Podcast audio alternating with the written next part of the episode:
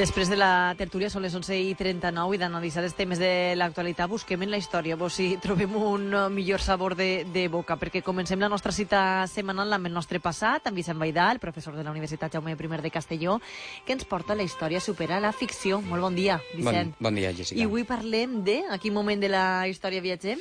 Avui farem un recorregut per la història valenciana des de l'edat mitjana de la mà de l'Orde Militar de Santa Maria de Montesa, que va ser una institució de referència per als valencians durant moltíssims segles, però més tard ha caigut en l'oblit, encara que recentment s'està recuperant un poc la seva memòria, mm -hmm. perquè l'any passat, en 2017, es va celebrar el seu setè centenari i l'any que ve també es tornaran a fer algunes celebracions. De fet, ho demanaven, no?, els oients. Volien, alguns ens sí, deien per xarxes que volien conèixer un, més. Un dia vam parlar molt breument sí. en un consultori i avui ja ens esplayarem un va, poquet més. Perfecte. Què va ser exactament l'ordre de Santa Maria de Montesa? A veure, per entendre-ho bé, primer hem d'explicar què eren els ordes militars, que és un concepte que actualment es pot resultar un tant estrany, sí. però era molt comú en l'edat mitjana. Per començar per la, en definitiva, què eren els ordes militars? Tot i el seu nom, no eren institucions exclusivament o únicament militars, sinó que s'enquadraven dins de l'obediència de l'Església Catòlica i, de fet, van començar a crear-se després que el papa Urbà II uh -huh. fera un famosíssim discurs, almenys per als historiadors, sí. en un multitudinari concili de la cristiandat el 27 de novembre de l'any 1095. I quin discurs va ser això?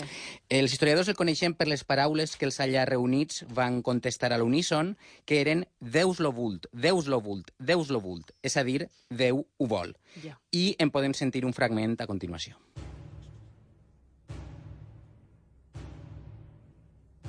Hem sigut informats des de Jerusalem que una raça absolutament aliena a Déu, la de la fètida secta de Mahoma, ha envaït la terra dels cristians. Han arrasat les esglésies de Déu i les han esclavitzat amb els seus propis ritus. Obrin en canal a tots aquells que turmenten, els arrosseguen i assoten abans de matar-los i es deixen en terra amb les entranyes fora. I què puc dir de l'horrible violació de dones? A qui correspon la tasca de venjar tot això sinó a nosaltres, els cristians? Prengueu el camí del Sant Sepulcre, rescateu la Terra Santa i domineu-la. Prengueu el camí de la remissió dels pecats, segurs de la glòria immarcessible del regne dels cels. I quan el papa Urbà havia dit aquelles coses, tota l'assistència enfervorida cridà a l'uníson Deus lo vult, Deus lo vult, Deus lo vult, Déu ho vol. Caram, Vicent, quanta èpica. Sí, no de vegades és el discurs que va donar lloc a les croades cristianes cap a Terra Santa, ah, mm. que es van desenvolupar després, al llarg dels segles posteriors, el 12 sí. i el 13, i va ser precisament en aquell context quan es van formar els ordes militars, que eren congregacions al mateix temps sí. de monjos i de cavallers destinades a ajudar en les guerres contra els infidels. És a dir, eren una institució mixta, monjos i cavallers tota l'hora. En efecte. Per una banda tenien monjos, esglésies, convents i monestirs propis, però al mateix temps també tenien un cos de cavallers que, tot i no ser estrictament monjos, sí que prenien normalment alguns vots, com el de castedat i el de pobresa, i tenien una especial voluntat religiosa de lluitar contra els infidels, de manera que tots quedaven englobats dins de la jerarquia eclesiàstica com una congregació o com un orde de caràcter monàstic i militar alhora. I n'hi havia, n'hi havia molts d'ordes militars? Eh, N'hi havia unes quantes desenes arreu d'Europa, ja que no de bades les croades foren un fenomen global i multitudinari, sí. i els dos més famosos i més potents, amb una gran extensió per tot el continent, van ser l'Orde de Sant Joan de l'Hospital sí. i l'Orde del Temple, però també n'hi havia d'altres, com l'Orde del Sant Sepulcre, l'Orde dels Cavallers Teutònics, que va ser molt, molt important en l'expansió del cristianisme per l'Europa oriental, o ja dins de la península ibèrica també van destacar els ordes d'Alcántara, mm -hmm. el de Calatrava o el de Santiago per a lluitar contra els musulmans de l'Àndalus. I suposa, Vicent, que també l'orde de Santa Maria de Montesa. Sí, eh, també l'Orde de, de Montesa, sí. però eh, l'Orde de Montesa era exclusiu del Regne de València i va néixer i es va formar en unes circumstàncies molt particulars respecte de la resta d'ordes. A veure, conta'ns quines eren aquestes circumstàncies. Doncs Montesa va néixer per la fi, per la mort d'un d'eixos grans ordes internacionals sí. que ara comentava, que era l'Orde dels Pobres Cavallers de Crist i del Temple de Salomó, més coneguts normalment com l'Orde del Temple eh, els dels cavallers templers, estos, no?, que tant interès i tants misteris susciten a, a, a dia d'avui encara. Sí, eixos mateixos, sí. i, i la fi dels templers va suposar el naixement dels montesians. I això com va ser? Com va ser el, el procés? En primer lloc, cal pensar que l'Orde del Temple era el més important de tota Europa, amb desenes de milers de cavallers, milers de comandes i centenars de castells arreu del continent, i per això mateix, en 1307, el rei de França va convèncer al papa per a iniciar un procés contra els templers per heretgia, idolatria i pràctiques sexuals condemnatòries. Ja. I així clausurar l'orde per a frenar el seu immens poder. I van posar fi al temple. Sí, van impressionar Sí. i, i ajusticiar els seus líders. En 1312, cinc anys després, l'orde va desaparèixer i va quedar com a problema consegüent la qüestió de què fer amb totes les propietats, els castells i els senyorius que els templers havien anat acumulant. I què van fer? Què va passar amb tots aquells béns? Doncs va dependre molt dels acords entre el papa i els monarques de cada territori europeu, encara que normalment eh, la solució més comuna, incloent, per exemple, el cas de Catalunya i Aragó, va ser transferir les propietats de l'Orde del Temple al de Sant Joan de l'Hospital. Sí.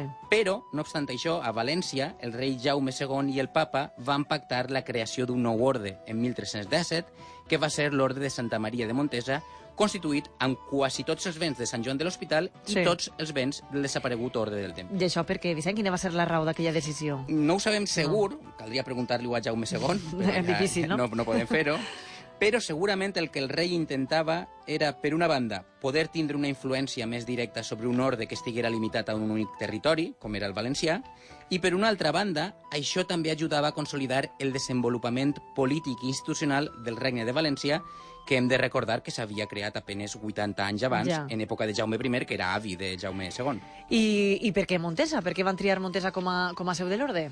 És una cosa que tampoc sabem del cert, perquè, de fet, la vila de Montesa no era ni del temple ni de l'hospital, sinó que era una vila reial, pertanyia a Jaume II, que la va donar expressament per a la fundació de l'orde en 1317. Sí. En tot cas, és possible que les raons de triar Montesa foren estratègiques. Sí, estratègiques per què? En, en relació a què o a qui? Eh, Cal pensar en primer lloc que Montesa tenia un portentós castell d'època andalusina sobre una mota pràcticament inexpugnable, com podran comprovar els que s'acosten per allà. Sí. I a més a més també cal tindre en compte que Montesa, prop de Xàtiva, estava per una banda mirant cap al sud del territori valencià, on encara arribaven atacs musulmans de l'Emirat de Granada de tant en tant, i per una altra banda també estava en el camí d'Almansa, que era la frontera de defensa contra els castellans. Però com que contra els castellans, que, que eren cristians? No havies dit que, que els ordes militars estaven pensats per a lluitar contra els infidels? Sí, en un principi sí, Sí. sí. això era la seva missió, però sobretot en els segles XII i XIII, en el gran moment de les croades, i en canvi, en el moment en què es crea l'Orde de Montesa, que ja estem Sí. en el segle XIV, eh, la lluita contra els musulmans i altres infidels ha baixat molt d'intensitat i els ordes militars són sobretot emprats pels monarques per a lluitar contra els seus enemics, ja siguen infidels o siguen cristians. Ja. Per tant, els cavallers de Montesa van anar a guerres contra castellans, genovesos, francesos, sards, napolitans... És a dir, etcètera. que, que van complir una funció militar molt important. I no només militar, sinó també política, econòmica i social, ja que l'Orde de Montesa Sí. era ni més ni menys que l'organització més poderosa, amb més senyorius, amb més vassalls i amb més riquesa de tot el regne de València. Caram, i quines possessions tenia de, de què era propietària aquesta orde? Això ens ho explicaran a continuació dos medievalistes valencians, l'alcoià Josep Torró i el castellonenc Enric Guinot. Bé, a partir del mateix moment de la seva constitució, l'Orde de Montesa constitueix el domini senyorial major del Regne de València en extensió, en habitants.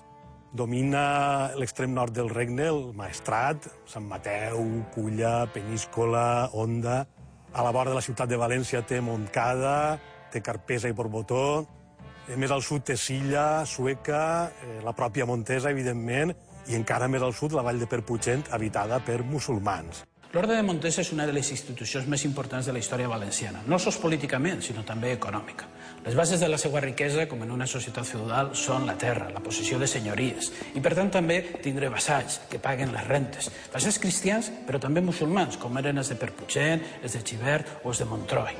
Les rendes agrícoles portaven la major part dels seus ingressos habitualment, la terra, el cereal, la vinya i el vi, però també hi ha casos específics com l'arròs al voltant de l'Albufera, el cas de Sueca i el de Silla.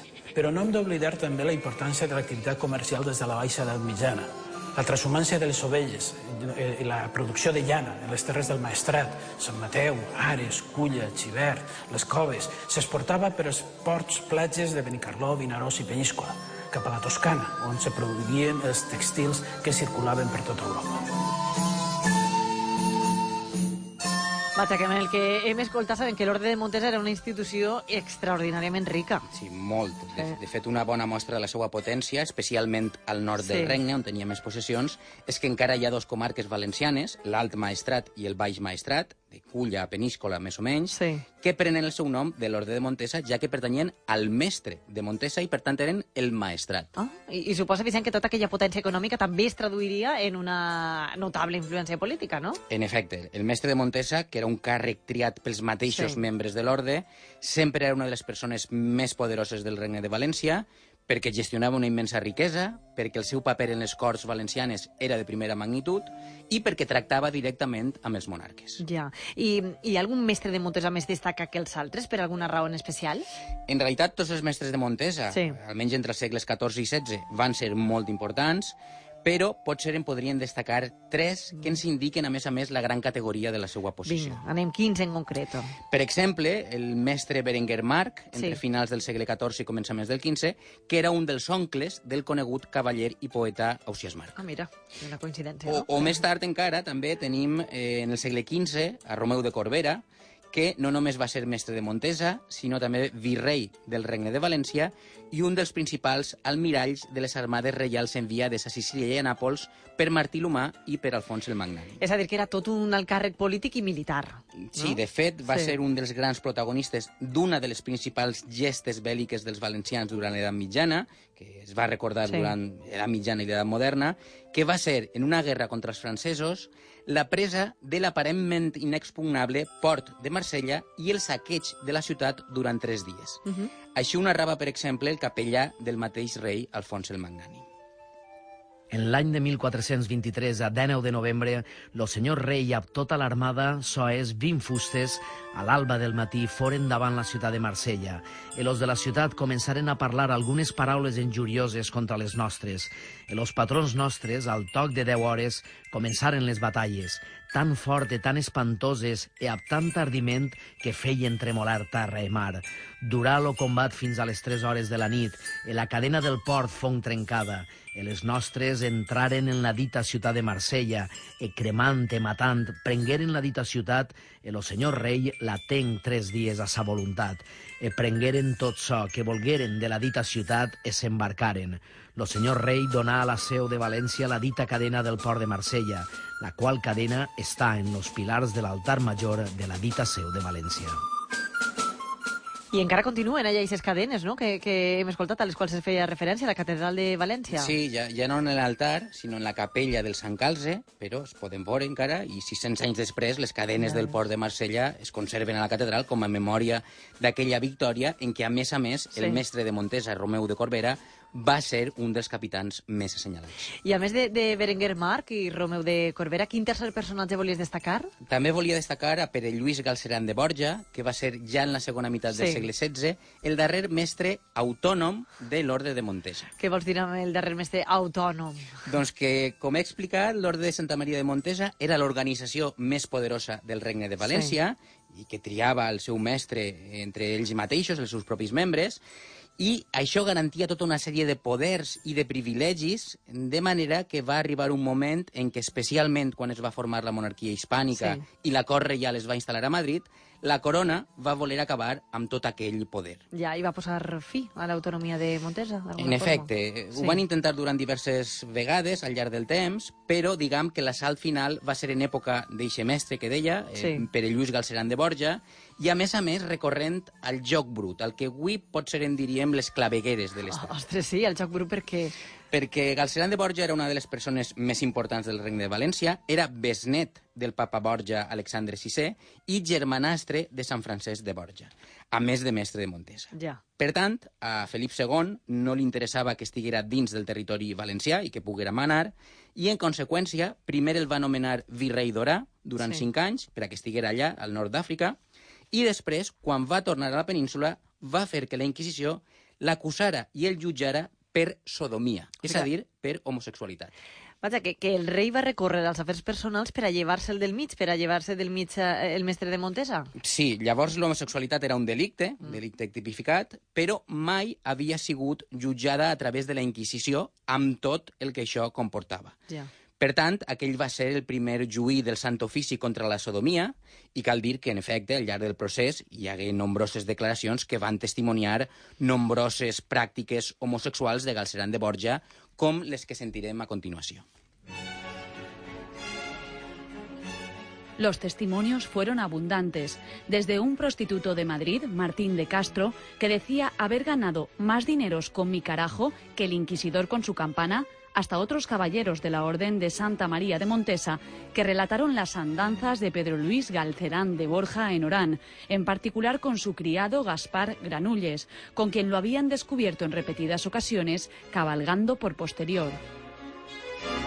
Vaja, que, que explícit, eh? I què va passar amb Galceran de, de Borja? En condicions normals, sí. sens dubte, haguera acabat en la foguera, com van acabar molts altres eh, Clar. acusats després, però com en realitat allò era una estratagema de Felip II, doncs finalment li va ser imposada una enorme multa, uh -huh. se'l va condemnar a no poder eixir dels dominis de l'Orde de Montesa durant 10 anys, i finalment se'l va pressionar per a que a la seva mort Sí. cedira el mateix Orde de Montesa a la corona espanyola, que era el que el rei buscava en realitat. I per tant així va ser com Montesa va passar a la corona? Sí, la institució va Sí. continuar existint amb totes les seues possessions, però a partir de llavors, a partir de finals del segle XVI, el gran mestre de l'orde sempre va ser el rei d'Espanya, Ja. de forma que va deixar d'existir una veu valenciana poderosa que podia fer front en ocasions a la voluntat dels monarques. Això és, és fruit de sèrie, no? És carde, jo crec que de sèrie històrica. O sigui, tot un joc de poders pel, que podem comprovar. I què va passar aleshores amb l'orde? Com va evolucionar després? Al llarg dels segles XVII i XVIII va continuar sent molt rellevant, però sobretot ja a nivell econòmic, Sí.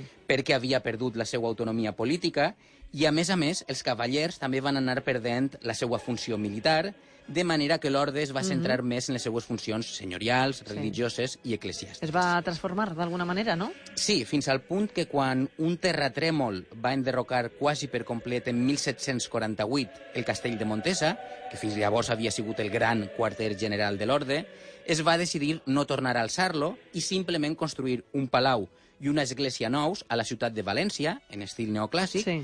Que actualment són els edificis que ocupen eh, la delegació de govern, Ah. per una banda, i l'església de Santa Maria del Temple, per una altra, a la capital. Ah, I es diu del temple, en recordar els orígens que hem comentat de l'orde de Montesa? Sí, aquells solars on es van construir havien sigut en principi dels templers i, per tant, després van passar a Santa Maria de Montesa, de manera que l'actual nom de l'església, Santa Maria Sí. del Temple, recorda aquell Mira. doble passat. I què va succeir més tard amb l'orde de Montesa, ja en època contemporània? Doncs amb les lleis desamortitzadores del segle XIX, tots els ordes militars, eh, incloent Montesa, es van Sí. quedar sense les possessions que tenien, que van passar a ser públiques o es van subhastar, també es van quedar sense convents ni esglésies i van esdevindre associacions honorífiques Sí. amb una especial vocació religiosa dels seus membres i amb una forta vinculació amb la corona espanyola.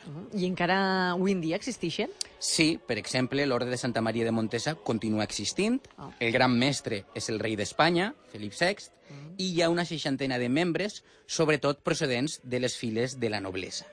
Però, evidentment, és una institució simplement honorífica que ja no té l'enorme importància que va tindre durant tota l'època foral. I que en va ser molta, moltíssima, pel que, pel que ens has explicat. Sí, només sí. hem de pensar en, en tot el patrimoni que ens ha llegat, per exemple, el nom de la comarca del Maestrat, que ja Clar. és una cosa molt important.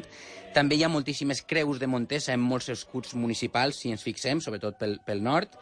Eh, també ens ha deixat alguns castells o Sí. ruïnes de castells tan impressionants com els de Cervera, el de Peníscola, que era, era un castell primer templer, després montesià, el mateix castell de Montesa, o també les ruïnes del castell de Perpuigent, que valen moltíssim la pena visitar perquè donen bona mostra del poder de l'orde. O també, per exemple, palaus i esglésies com els del Temple de València. És a dir, tot un investigat del qual avui hem descobert una, una part. Moltíssimes gràcies, Vicent, per fer-nos valorar cada dia, jo crec que cada setmana, com cal, la història i descobrir-nos avui una miqueta més al voltant de l'orde de Montesa. Moltes gràcies, un plaer. Gràcies a vosaltres, La setmana adéu. que ve més. Adéu.